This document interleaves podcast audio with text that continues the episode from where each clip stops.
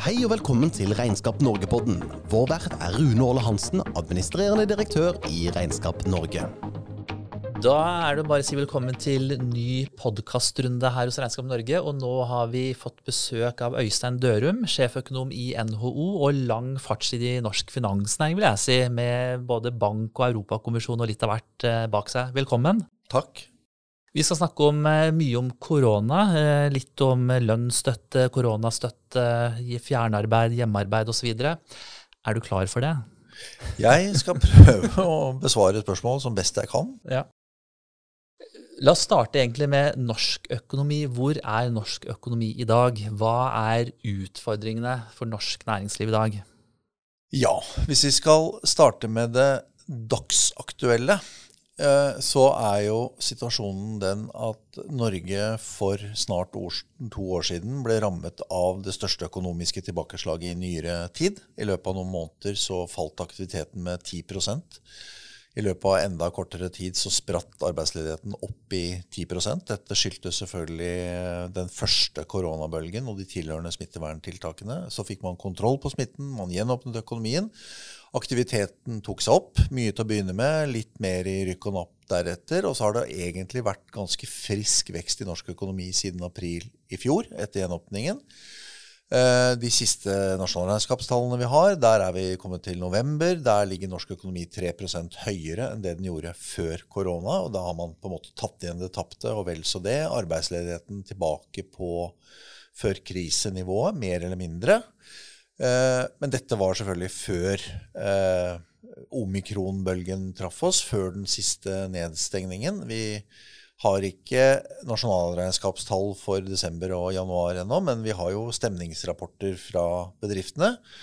Og særlig for de næringene vi kunne forvente at skulle treffes av disse smitteverntiltakene, så er det en markant forverring når vi kommer fra eh, oktober og, og november og til desember og januar. Stemningen er dårligere. Og, Er, er, det verre enn det var helt i starten, eller er, det, er vi på en måte tilbake til så ille som det var? Nei, på ingen måte. Altså det er eh, For de hardest rammede næringene så er tallene blant de verste de siste to årene, men ikke så ille som de var på da norsk økonomi var nærmest helt nedstengt. Og det er mye mer avgrenset til noen næringer. Altså Ett eksempel er jo varehandel, som ble nedstengt i første runde, og også lokalt i eh, noen senere runder, men som nå ikke er, er nedstengt, og hvor stemningen er rimelig, rimelig god. Eh, og, og derfra så kan man jo tenke, eller tro, eller håpe at eh, også omikronbølgen vil gå over. Det meste tyder på at den er, omikron er smittsomt, men, eller mer smittsomt, men ikke så farlig. Eh, Vi blir stadig flere vaksinerte her i, her i landet. Også med tredje, tredje dose, eh, som gjør at vi kanskje ikke skal være så bekymra for at det kommer enda flere bølger. Men eh, når vi er på det sporet, så er det klart at uh, selv om vaksinasjonsgraden begynner å bli høy i vår del av verden, så er den fortsatt lav i andre deler av verden, i de fattigste landene, under 10% Som igjen innebærer at uh, omikron, eller ikke omikron, unnskyld, koronaviruset kan uh, mutere på nytt. Melde seg her ved våre grenser i nye mutasjoner. Kanskje farligere, kanskje mer smittsomme, kanskje varianter som vaksinen ikke virker på. Sånn Så at vi, vi er på den ene side eh, i godt gjenge i norsk økonomi. Og på den andre side så har vi en, uh, en usikkerhet selvfølgelig om hvordan koronaviruset også vil prege 2022. Og dette er det konjunkturelle og det kortsiktige, og så kan man si mye om de langsiktige utfordringene vi står overfor. Mm. Men for å gå litt til dette her med, med den erfaringen vi har gjort da, egentlig nå snart i to år, og eh, utfordring for næringslivet, eh, særlig i enkelte sektorer. Og, har, og her kommer jo kompensasjonsordningene inn. Eh, og de første, man kan jo sitte og kjenne på at det var litt hastig vedtatt. Det var krise, det var første gangen. Og så har vi gjort erfaringer og diskusjoner som har kommet nå i ettertid, ikke sant? med forlengelse av ordninger som vi nå er midt inne i diskusjon og vedtak om. Eh, hvor det fra ulikt hold sies at eh, vel, eh, de forrige ordningene de var for lukrative, det ble utbetalt utbytte, de gikk med overskudd, og dermed så foreslås jo da innstramninger i videreføringen.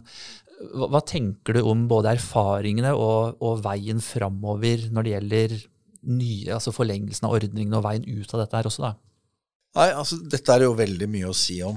Og jeg har jo stått midt oppi dette nå i snart, eh, snart to år. Og, og, min første reaksjon da det ble kjent, egentlig først fra omverdenen, at man skulle begynne å betale bedriftene for omsetningssvikt og, og inntektssvikt, så, så, skurret det. Jeg har min bakgrunn fra Finansdepartementet, og jeg har min bakgrunn fra Blindern og samfunnsøkonomien. og sånn at vi bedrifter skal drives for eiers regning og risiko, og skjer det noe uventet, så, så, er det på en måte bedriftens ansvar. Og de som håndterer disse uforutsette tingene best, er de som overlever, og sånn sett så gjør vi at vi får et stadig sterkere næringsliv. Og så er det klart at vi ganske raskt i fjor kom til en form for forfjor, unnskyld, 2020, kom til en slags erkjennelse av at dette var en helt annen type krise enn, en tidligere. Eh, det var på en måte ikke markedskreftene som sto i fare for å vippe bedriften utfor kanten av stupet, men det var myndighetspålagte smitteverntiltak. Så vi skulle i gang med en slags eh, nasjonal dugnad, om man vil. Og i den nasjonale dugnaden så var det noen virksomheter som ble plassert i frontlinjen, nemlig de som drev med personrettet tjenesteyting. For det er der smittefaren er størst. Og ut fra det eh, så kan man egentlig anlegge tre perspektiver og tre innganger til det. Og den, det ene, ene, perspektivet er at på, på samme måten som at når samfunnet bygger en vei over tomta di, så blir du betalt for det.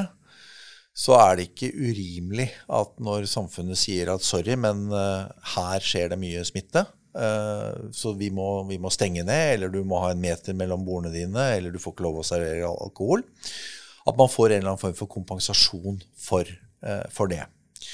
Og det andre er at hvis vi Eh, eller vi som fellesskap, hadde plassert eh, de samme bedriftene i frontlinjen. Ikke bare én gang, men gang etter gang. For det er jo de samme virksomhetene. Eh, og sagt at too bad. ikke sant? Dessverre så driver dere en virksomhet som, hvor det er mye, mye, smitte, og vi kan ikke ta noe ansvar for det. Så, så handler det også i mine øyne om legitimiteten til smitteverntiltakene som, som sådan. At hvis, hvis belastningen ved de smitteverntiltakene blir uh, skeivt fordelt. Og eh, la meg legge til, eh, og dette er noe vi har diskutert mer i det siste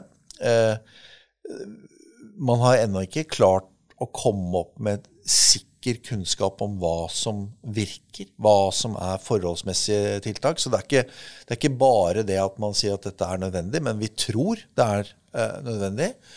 Og hvis alle skal være med på dette, Eh, så må de tiltakene ha en form for legitimitet. Og det å bli kompensert er også en måte å legitimere de tiltakene. Og det, det tredje, eh, som nok var mer fremtredende eh, for halvannet, siden, halvannet, år siden, våren 2020 nå, det er det at eh, dette er folks jobber. Og hvis eh, vi sto foran en kortvarig pandemi, smittebølge, smitteverntiltak som knakk omsetningen til disse bedriftene, så ville det at de fikk støtte for å holde, eh, betale faste kostnader, det gjorde at de kunne komme seg gjennom dette, sånn at alle de hundretusener, eller i hvert fall ja, titusener, hundretusener av permitterte vi hadde, hadde en jobb å gå tilbake til. Og så er det klart, så kommer det liksom en annen del av ditt spørsmål, eh, nemlig erfaringene eh, fra dette. At eh, det var en akutt situasjon. Uh, man hadde ikke mye tid til å liksom, utrede og sånn. Man bare, som noen sa det, man satte statskassa på gata. Uh, etablerte en ordning, håpet uh, beste. Og så er det ingen tvil om at det har vært en del utslag som har vært mindre heldige. Jeg har ikke lyst til å eksemplifisere det her nå, men, men avisene har hatt en del eksempler på, på, på dette. Og, og, i litt mer sånn generelle termer så kan jo en bedrift ha, gjort, ha gjort det veldig dårlig i to måneder eh, og fått støtte i de to månedene, og så kan det ha gått bra resten av året. Og så vil man komme ut av året med et overskudd. Og et overskudd som delvis er et resultat av, eller i hvert fall delvis eh, med et bidrag fra da, stats, eh, statskassa. Det ser ikke så bra ut. Det er jeg, er enig i. Og det ser ikke så bra ut at det flyttes utbyttebetalinger fra Norge med statsstøtte i bånn til, uh, til, rike eiere i utlandet, uten å være konkret på, på, på det. Men, men, bare for å, for jeg er jo langt, jeg tror mange egentlig er enig i både beskrivelsen, altså enig, det er jo en realitet det du beskriver, um, og, og forstår det du sier rundt. I, Regnskap Norge så Våre medlemmer i Regnskapsføret de gjør jobber primært, altså oppdrag for små og mellomstore bedrifter. Uh, og Det er litt sånn innledning til et spørsmål her for å følge opp. ikke sant? Fordi den store diskusjonen synes jeg ofte blir på premisser til de store virksomhetene. og Når du sier betale utbytte til utlandet, vel, det er de store virksomhetene som gjør. Stor del av norsk næringsliv er jo små og mellomstore bedrifter. Uh, og der betaler de ikke utbytte til utlandet i utgangspunktet. ikke sant? Der er det Rammebetingelsene er annerledes, økonomien er en helt annen. Eh, og det vi opplever gjennom regnskapsfører som gjør da, oppdrag for hele dette næringslivet, så er jo egentlig en frustrasjon da, over at i, en, i, et normalår, så ja, da er det opp og ned i konjunkturer. Det er opp og ned på inntekter og kostnader. Men nå er det helt ekstraordinært. Og så er det innført en kompensasjonsordning som sier at eh, det kompenseres for ekstraordinært eh, inntektsbortfall knytta til ekstraordinære tiltak. Eh, og i forlengelsen av det så, så, blir det jo litt så blir man jo litt spørrende da, til diskusjonen eh, egentlig som jeg inviterte til, ikke sant, om at og da så forby utbytte i et større perspektiv, når det for de små bedriftene eh, er, er, en litt annen økonomisk situasjon enn for de store. Hva, hva tenker du rundt det? Nei, det, det er jo helt åpenbart at um, Altså, vi, vi, jeg må jo si at fra NHOs side så har vår linje hele veien vært at vi skal ikke skille på små og store. Eh, det er på en måte hvor hardt man er rammet, ikke hvordan man er organisert, hvor stor man er, hvor landet man hører til, som skal eh, avgjøre hvor mye man skal få i støtte. Og så er det nokså opplagt at en stor bedrift har eh, bedre muligheter til å spille på kapitalmarkedet enn det en mindre bedrift uh, har. Uh, en liten bedrift kan i ytterste fall være finansiert av noens boliglån, rett og slett. Altså, du, er en, du er en kapitalist, men den kapitalen kommer fra fri kapital i, i boligen. Eh, og, og, ideen om utbytte er bare relevant for at du skal betale lønna di eller at du skal betale skatten din. Og overskudd er egentlig noe du skal bruke for å betjene renter og avdrag på det boliglånet, f.eks.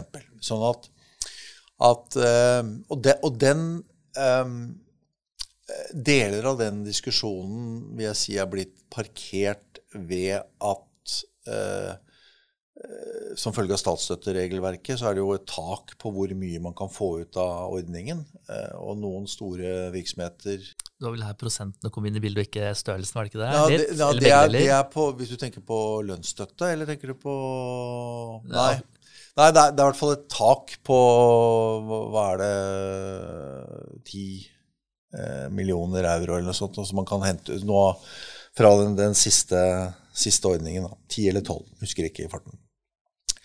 Men, eh, men der vil en, en, del av de store ha stanget i det taket, og så blir ikke den diskusjonen så, så relevant. Og, og, jeg vil si at når vi har hatt den diskusjonen nå, i forbindelse med kompensasjonsordningen, hvor utbyttebegrensning, overskuddsbegrensning, har kommet inn som en konsekvens av all den kritikken som har kommet mot disse ordningene, en kritikk som jeg mener bortser litt fra de to første poengene. Altså dette som går på kompensasjon for påført ulempe og eh, legitimiteten til smittetiltakene, men som mer ser på de økonomiske konsekvensene av, av dette. Ja, så, så, står vi sannsynligvis nå igjen med ordninger som i stor grad vil treffe små og mellomstore bedrifter, eh, og hvor, hvor eh, en del av den kritikken blir litt mindre relevant. Altså, altså, muligheten for å spille på kapitalmarkedet, muligheten for å tilpasse seg osv. Pluss selvfølgelig at når vi nå nærmer oss snart to år med krise, som det har vært av og på, så, så sier det seg sjøl at kassa til en del av disse virksomhetene begynner å bli ganske tom. Altså, det er reelt når 30% av medlemsbedriftene i NHO Reiseliv sier at de frykter konkurs. Eh, som selvfølgelig, som alle som har drevet med regnskap vet, bare er et tidsspørsmål når inntekter ikke matcher utgifter. Og, og, eh, det er bare en annen sånn, et, et av hva skal jeg si, tiltakene oppi alt dette her som knytter seg, iver seg til leg, um, likviditet. Eh, når inntektene blir borte, det er jo den muligheten man har åpnet opp for å utsette betaling av uh, moms og skatt. Og det høres også isolert sett veldig fint ut, særlig for små igjen, altså særlig småbedrifter og likviditeten når, når den blir, håper, blir, borte. Det vi har kritisert litt, og jeg spør litt også nå med tanke på at den bakgrunnen du har fra Finansdepartementet, så forstår du regelverket og alt dette her. Det vi har sett på fra Regnskap Norge sin side, har vært forsinkelsesrenta eh, som påløper. Dette har vi diskutert også faktisk med skatteetaten. De gjør jobben sin og følger både lov og forskrift. Eh, og så kommer det da en ny pakke nå eh, hvor man nå faktisk foreslår å redusere, senke den forsinkelsesrenta litt. Fortsatt, eh, Jeg kan jo si på vegne av Regnskap Norge at vi syns det er urimelig med en 6% rente som det nå foreslås. Eh, forsinkelsesrente på noe som er påført av myndighetene. ikke sant? Eh, har NHO noen tanker rundt dette her? Nei, altså eh, vi, Ja, vi har hatt tanker om det. Altså det, den, den, ene tanken knytta til forsinkelsesrenten var jo at den ble satt ned, og så ble den satt opp igjen. Og da ba vi om at den ble satt ned igjen til det nivået den nå er foreslått satt til. Eller, og jeg tipper jo at det blir vedtatt, altså 6 eh, rente.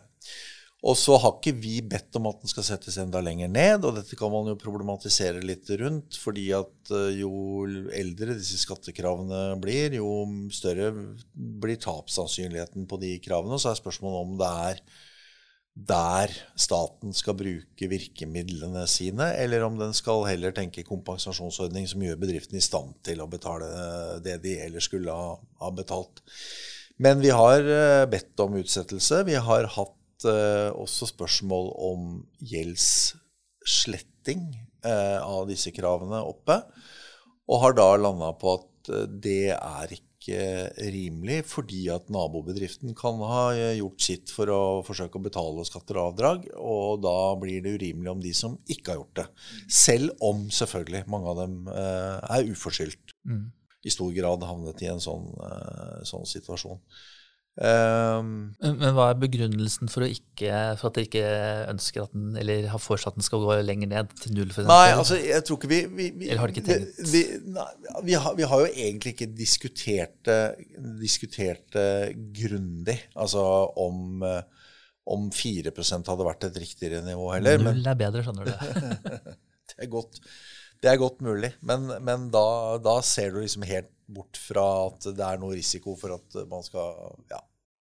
Ja, altså, jeg, jeg, utfordrer litt på det, fordi ja. det er litt viktig for oss. Og jeg syns det er litt viktig at NHO, eh, altså, som den sentrale aktøren dere er, ikke sant, å, og høre, høre, meninger. Um, da vi snakket med skatteetaten i høst, eller nå på nyåret, de tallene vi kjente til da, det var uh, per september så var det vel 10 000 virksomheter som hadde jeg tror det var 4 milliarder i utsatt eh, beløp, altså skatt og moms, eh, hvor det da hadde påløpt en halv milliard samla i, i, renter. Og igjen, med tanke på små og mellomstore bedrifter, så mener jo vi det er et stort beløp. ikke sant? Og så, så vil jo dette forskyve seg. Vi har jo sagt til våre medlemmer at de bør rådgi bedriftene til å betale det de kan betale.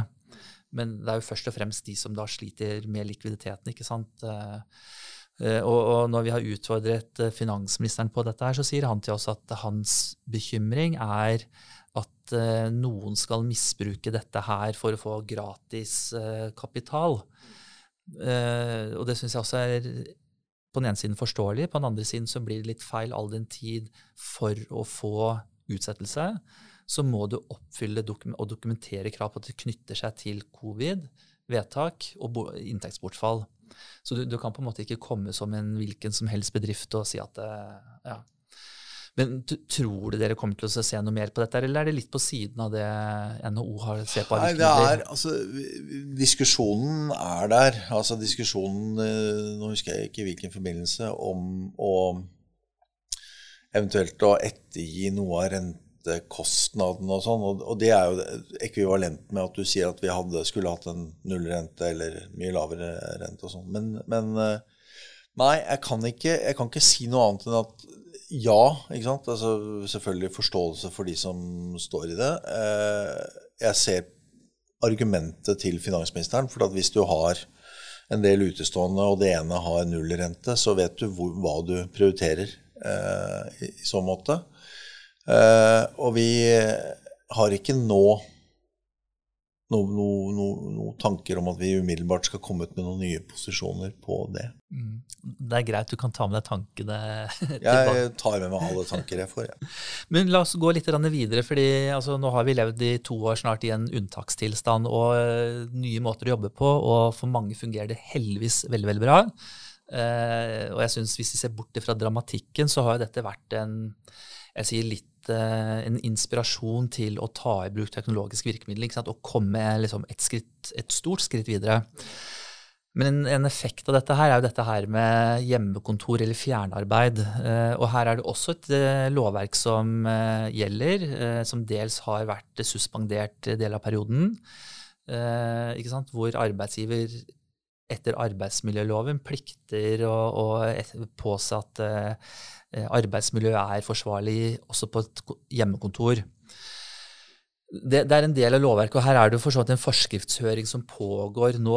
Eh, så her er det mye som skjer, og ting har jo på ingen måte landet. Og da er det interessant å høre hvor står NHO, hvilke tanker har dere per nå da, når det gjelder dette med hjemmekontor, fjernarbeid, utfordringer, positive effekter osv.?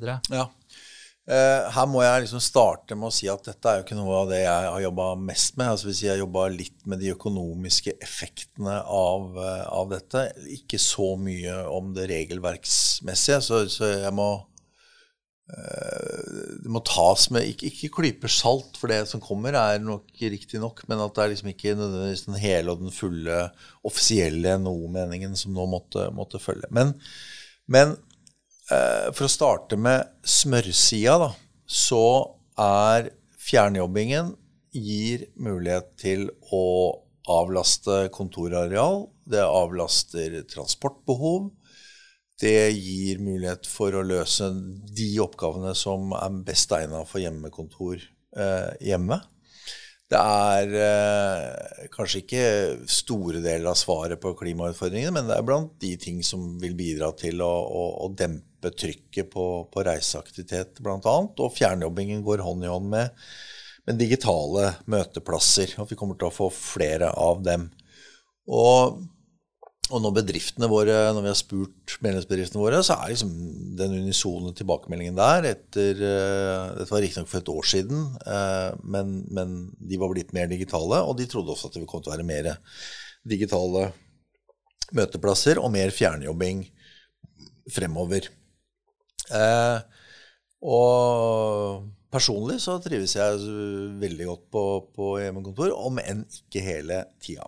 Og så er det Eh, slik at når, når, når, bedriften pålegger Og her er vi, nå er vi jo i en sånn Hva skal vi kalle det? Vi er jo i en slags mellomfase nå. For det er jo ikke bedriften som pålegger hjemmekontor, det er jo myndighetene som pålegger hjemmekontor. og og litt pionerånd har det vært preget og sånn, men i utgangspunktet når bedriften pålegger hjemmekontor, så, så skal det jo være som en, en annen arbeidsplass hva angår utstyr og, og, sånne ting. Og og, og, bedriften har også en åpenbar interesse. Altså, sånn, Arbeidskraften er eh, omtrent 80% av kostnadsgrunnlaget til, eh, til bedriftene. Eh, og, mer når vi snakker om eh, de virksomhetene hvor hjemmekontor er en aktualitet. Det er sånn ca.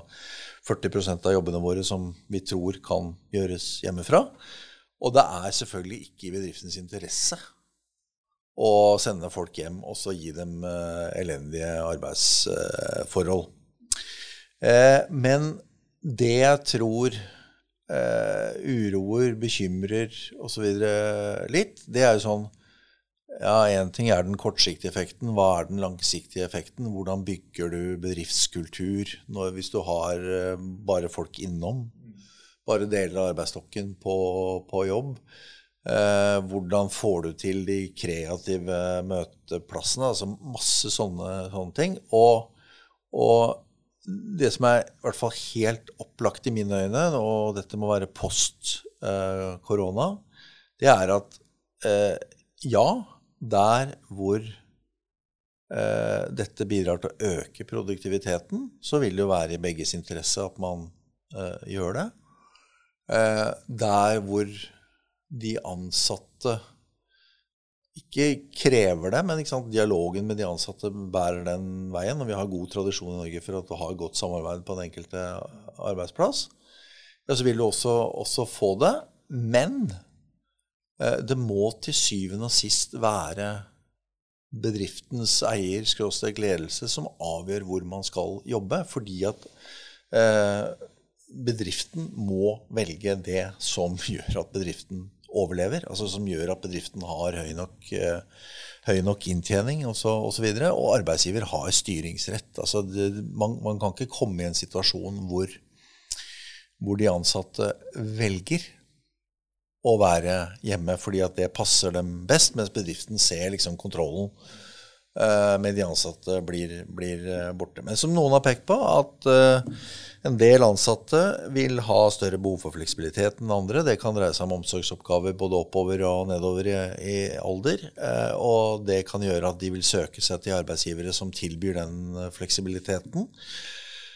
Og, og, da må jo de enkelte arbeidsgiverne spørre seg sjøl om skal vi svare opp det eller, eller, ikke. Men jeg tror nok vurderingene av den fjernjobbingen var mer sånn positive for et års tid siden enn det det er nå. Altså litt mer sånn jøss, yes, mm. vi fikk det til, ikke sant? Vi, vi fortsatte å jobbe som, som før. Og, og, la meg i parentes bemerke, jeg syns fortsatt det er en sånn underkommunisert del av hele denne, denne krisen. Nemlig det at vi Altså i store deler av privat sektor og offentlig sektor så fortsatte produksjonen som om intet var skjedd, men den var fysisk flytta. Mm fra arbeidsplass til, eh, til, folks eh, hjem og kjellerstuer og barnerom og, og you, you, name it. Det ville ikke vært mulig for 10-20 år siden. Nei. Men den undersøkelsen du nevner, som dere gjorde da, så dere der noe skille på små og mellomstore bedrifter, eller var Nei, det der har vi ikke Altså det svaret er det kunne vi ha gjort hvis vi hadde sett etter dem. Vi har liksom bare sett på etter bransje, altså landsforeningen. Ja, nei, og når jeg spør sånn, så er det også litt igjen med tanke på um, Altså, vi, vi eh, hører de samme signalene som, som, det du beskriver. Men det vi også hører, er jo det er lett for eh, igjen en større bedrift å da kjøpe kontorutstyr til sine medarbeidere og sende hjem stoler og bord og hva det måtte være. En mindre familiebedrift har ikke den samme økonomien, ikke sant. Så, så nå har ikke jeg sett noen eh, analyser på det, men det vil jo være interessant å se på det også. Ja. Og så tenker jeg jo kanskje at uh, dette, uh, dette, er jeg usikker på om jeg har dekning for, men, men, la meg si det likevel. Men jeg tenker at, at mange flere av de små og mellomstore bedrifter er kanskje mer typiske sånn produksjonsbedrifter, i den forstand at hvis de har eh, kontorarbeidsplasser, så er de kobla på. Det kan være kontorarbeidsplassen i et bygg- og anleggsfirma eller i en eh, en eh, restaurantkjede eller, eller, et eller annet sånn, hvor, hvor, det er kanskje mindre naturlig å tenke hjemmekontor på samme måte som at du har altså i konsulentbransjen, i interesseorganisasjoner og andre, hvor du har liksom store staber av folk som sitter og PC-jobber.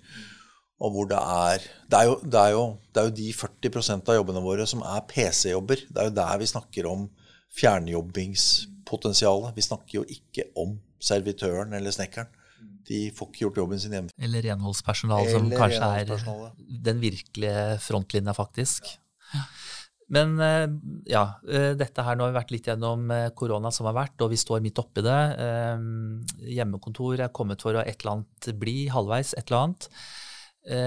Vi sitter midt i en tid hvor det er diskusjoner om strømpriser, Og da tenker jeg, Jeg må jo spørre om det. Vi nærmer jo oss eh, rutinemessig det noen kaller eh, vårens hyggeligste hendelse, lønnsoppgjøret. Jeg vet jeg er veldig tidlig, men egentlig det som et stikkord. Eh, hvordan, hvordan ser, altså Hva er din det du kan si nå, da, spådom om økonom, økonomien framover og årets lønnsoppgjør, hvis du Ja. Ja, og, og, og da spør jo en som Riktignok i år er det hovedoppgjør, så da skal ikke jeg inn i forhandlingene. Men jeg sitter normalt og er del av de forhandlingene, og vi forhandler i rommet og ikke i, i forkant. Så at uh, dette får litt sånn refererende karakter, tenker jeg. Uh, men i fjor så hadde vi et anslag på uh, lønnsveksten i i privat sektor, eller industrien på 2,7% Det var såkalt ramma. Det var det vi forhandlet oss fram til og anslo. Og så anslo vi en prisvekst på 2, ikke vi, men TBU anslo en prisvekst på 2,8% Så man kom til en enighet som innebar en liten reallønnsnedgang. Så har strømprisene kommet med full tyngde, og det er først og fremst strømprisene som har truffet norske konsumpriser. Slik at i desember så var prisveksten oppe i 5,3% For året som helhet så var det en gjennomsnittlig prisvekst på 3,5 Så eh, med det lønnsanslaget vi hadde på 2,7 og en prisvekst på 3,5, så ville det blitt en ganske stor reallønnsnedgang. Og større enn eh, ja, nest største tror jeg faktisk i etterkrigstiden. Ikke, ikke, ikke, like stor som i 2016, men den største i nyere tid etter det. Og så hører det med til historien at uh, de lønnsanslagene som er kommet uh, mot slutten av fjoråret, de peker mot at lønnsveksten trolig havna på rundt 3% Jeg sier peker mot og anslag, for vi har ikke regnskapstallene for året ennå men som likevel kan peke mot at det ble en liten reallønnsnedgang i fjor. Og noen eh, fagforeninger har allerede posisjonert seg og sagt at dette skal de ha igjen i inneværende år. Eh, inneværende år så sier eh, både SSB og Norges Bank at prisveksten skal ned. Eh, den ene sier 2,6, eh, den andre sier 2,8, om jeg husker riktig. Uh, og det var riktignok anslag som ble laget før, desem før desembertallene forelå, men, men, la oss si et eller annet sted i det området der. Og så sier eh, de og andre at lønnsveksten vil kunne havne et eller annet sted på oversiden av, av tretallet. Det er deres anslag, eh, som jeg nå refererer, mm. uten å legge noe ytterligere i det. Eh, og så er det jo forhandlingene eh, som vil avgjøre det. Og, og, og, det jeg kan si om si, det makroøkonomiske bakteppet, er jo at på den ene side så er veksten ganske frisk. Dobbelt av normal marsjfart. Arbeidsledigheten ganske lav. Det er stor mangel på arbeidskraft, eh, oppgir bedriftene. Men det er også en uh, svært ulik situasjon i ulike næringer. Altså det vi allerede har snakket litt, litt om. Eh, hvor noen har hatt er, fortsatt ikke er tilbake der de var før korona. Og har hatt stor svikt i inntjeningen og står med ryggen mot stupet og forsøker å overleve. Eh, og andre kanskje gjør det ganske, ganske bra. Så noe av utfordringen er å finne Uh, og det er ikke sant, norske lønnsdannelsesmodellen på godt og vondt. Det er den der one size fits all, ikke sant. Mm. Uh, hvor man uh, skal forsøke å finne en, en, en ramme som treffer både de svake og de sterke, og som gir tilstrekkelig spillerom til lokale forhandlinger også. Mm. Sånn at de sterke kan gi mer enn det som ble gitt sentralt, og de svake kan klare seg med å gi mindre. Det er på en måte vårt, i generelle termer, da, vår, vår, vår, vår inngang til dette. Men er det andre trender som du ser nå som er relevant å ha med seg når det gjelder eh, norsk økonomi framover? Eh, eh, mangel på arbeidskraft noen steder, tror du det betyr eh, ja, altså, det, er, det, er, litt ledende spørsmål her, da, men digitalisering er ett spor jeg tenker på. Um, et annet litt på siden, men som også vil utfordre kanskje, er jo, er jo bærekraft, eh, klima. Uh, nå har du nettopp tildelt nye lisenser for olje- og gassleting. Tankene dine rundt disse liksom, rammebetingelsene for økonomien uh, framover? Nei, og det var, var, der jeg stoppet opp da vi, i innledningen, er jo at uh, vi, vi uh, står jo foran ganske krevende utfordringer uh, framover. Uh, ikke bare i Norge, men også i andre land. og Norge har hatt to veldig, veldig gode tiår bak seg. en gullalder for norsk økonomi, en periode med høye oljeinntekter, rask vekst i oljefondet, rask vekst i uttaket fra oljefondet. Regjeringer av skiftende farge har de siste ti årene hatt 17 milliarder kroner ekstra hvert år til diverse satsinger. Har, har, det vært forsvarlig, syns du? det, det, kan man mene også mye ulikt om. Da. Altså, det har vært forsvarlig i den forstand at man har holdt seg innenfor en langsiktig ramme for en forventet realavkastning av, av, av fondet.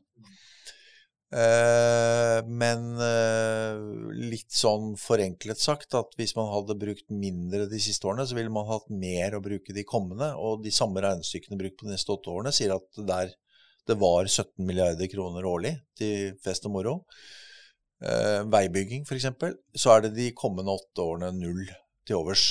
Og, og, og, det man har holdt på med nå de aller siste årene, altså 2020 og 2021, Eh, hvor man har eh, brukt en ja, Nå kom det på 20 milliarder til nå, men altså 250 milliarder kroner på krisetiltak.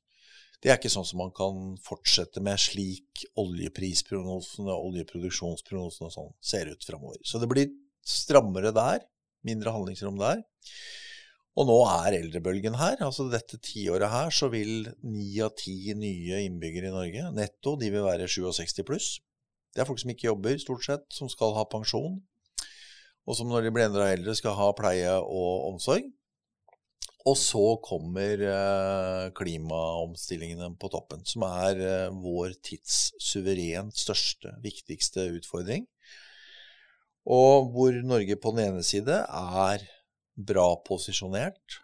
Sammenpresset lønnsstruktur, billige fagarbeidere, billige ingeniører, allerede elektrifisert osv men også en sektor som på sikt skal eh, bygges ned, eller i hvert fall hvor aktiviteten skal kraftig ned framover, og en sektor som har en betydelig risiko for at eh, den omstillingen kan komme bråere på. Altså hvis det blir raskere teknologiske gjennombrudd eller raskere politiske gjennombrudd osv.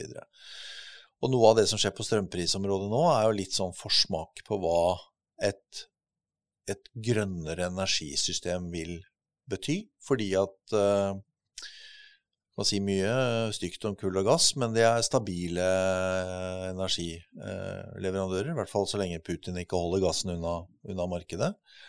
Uh, mens uh, vind og sol er uh, til de grader væravhengig energi. Sånn at spådommene er jo at vi står foran høyere energipriser på sikt og mer variable energipriser på sikt. Kanskje var dette vi opplevde nå, veldig ekstremt. Og la oss håpe det. Men, eh, men det vil kunne oppstå nye perioder med sånne og i, og i, det bildet, altså strømprisene er veldig konkret, men, men også dette her med i og seg omstilling av næringslivet. Da er det vel fornuftig egentlig at uh, disse ulike tiltakene som har vært koronarelatert, uh, og strømpris er jo ikke det for så vidt, men at de bør egentlig være av kortest mulig varighet for at eh, den omskiftningen skal skje, da. Ja, altså, eh, ja og, og nå, nå, må jeg også liksom være litt varsom hvor langt jeg går inn i konkretisering av dette, men, men eh, det er altså Noe av utfordringen med denne type støtteordninger er jo at de er konserverende. Eh, og jeg har sagt det jeg sa i stad og mener om, om liksom legitimiteten eller behovet for disse, disse, støttetiltakene. Men det er klart at eh, det har vært et problem med av, utformingen av ordningene. At en del nyetablerte virksomheter eh, ikke har blitt omfattet av ulike årsaker. De har ikke historiske regnskapstall å vise til osv. Men, og sånn at ordningene har på en måte favorisert bedrifter i nedgang framfor bedrifter i vekst. Og det er bedrifter i vekst som er morgendagens bedrifter, ikke bedrifter i, i, i nedgang. Og, og, disse pengene kommer et eller annet sted fra, og, og vi vet at vi står foran store omstillinger, og vi vet at omstillinger vil koste i form av omstillingsledighet, i form av Kanskje at det skal satses på investeringer som på kort sikt ikke er eh, lønnsomme og, sånne ting. Og kanskje også en del feilinvesteringer sånn. Kort sagt, vi trenger penger til det formålet også. Så Det er også en grunn til at uh, støtteordninger ikke bør vare, vare, for lenge. Og det var, som jeg starta med å si, tror jeg, at det var, sant, da dette kom opp, så var det litt sånn rart. Bedrifter skal drives for eiers regning og risiko. Det er et lønnsomt privat næringsliv er grunnlaget for den velferden vi har i dette landet. Ikke, vi kan liksom ikke subsidiere oss til, til velstand. Men mange spilleregler ble, ble, opphevet eller satt ut av spill uh, i forbindelse med, med korona. Ja. Du, vi skal runde av litt med det som er hadde nær sagt yndlingstema for Regnskap Norge. Det er forenklinger. Vi skal ta det litt raskt, men det er noe med for det er, det er, en del av hverdagen til alle virksomheter, eh, regelverk, og det er grunn til at vi har det. Det kjenner du veldig godt fra en tid i departementet. Og så er det noe med, i hvert fall opplever vi, at det blir mer og mer komplekse regler. Det gjelder også kompensasjonsordningene. Så vi er opptatt av å, at ting bør gjøres enklere der det er mulig. Eh, og her har jo vi et samarbeid eh, en gang i året om en forenklingskonferanse, NHO, Revisforeningen og, og vi. Det er én ting, men det, jeg inviterer egentlig litt sånn avslutningsvis også bare reflektere litt rundt dette med forenklinger, og da kan jeg bare gi stikkord fra vår side, som er dette her med Vi kaller det smartere regulering og netto forenkling. Og når vi sier det, så refererer vi gjerne da til eh, Stortinget og regjeringen også nå, som igjen har sagt at nå skal vi forenkle for næringslivet. ikke sant? 11 milliarder i løpet av kommende fireårsperiode. Vel og bra å forenkle, sier vi men det hjelper lite hvis du kommer med nye regler, stadig vekk nye, ikke sant, du fyller på. Refleksjoner fra NHO? Nei, altså Det, det er at uh, altså ikke sant, Her er vi jo på en måte Vi er jo helt enige om idealene. Det er, det, er, det, er, det er, ingen grunn til at regler og tilpassing til dem skal ta mer ressurser enn nødvendig. Uh, derav er vi også med på det arbeidet med forenklingskonferansen. Og jeg er også helt enig med deg at hvis du skal regne på sånne ting, så må du regne netto. Altså Det er liksom uinteressant hvis du fjerner ett sett med regler, og så får du et nytt sett med regler. Og, og, det er heller ikke noe tvil om at forholdsmessig så er det de små virksomhetene som taper på dette, fordi at uh, reglene veldig ofte er like for store og små. Og den lille har kanskje en kontorsjef, og den store har en juridisk avdeling til å håndtere de samme reglene. Og og i forbindelse med en del av disse støtteordningene og sånn, så har det jo liksom vært eh, nesten sånn at det ikke har vært bryet verdt for noen å søke, fordi kostnadene til å komme seg gjennom den papirmølla motsvares av det du, det du får i, i, støtte. Så et, eh, et stikkord er bevissthet og bevisstgjøring. At man må liksom til enhver tid eh, spørre seg ja, er denne regelen nødvendig, eller kan den regelen utformes på en annen og enklere måte.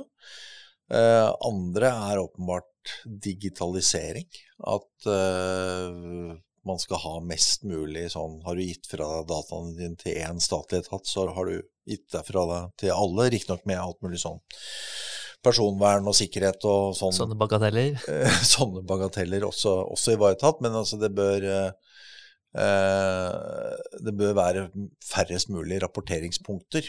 Eh, og vi Jeg har jo referert underveis her nå litt fra medlemsundersøkelsen, og det er klart at vi, vi tenker jo vårt også når vi sender ut medlemsundersøkelser, for selv om de er fra medlemmene til myndighetene ment å få gjennomslag for medlemmenes interesser, så er det jo en del av det samme sånn mail, huke av, eh, bruke tid på noe annet enn det du egentlig er satt opp for å, å, å, å drive, drive, med. Så, så, jeg kan ikke si noe Og, og jo, og, og den,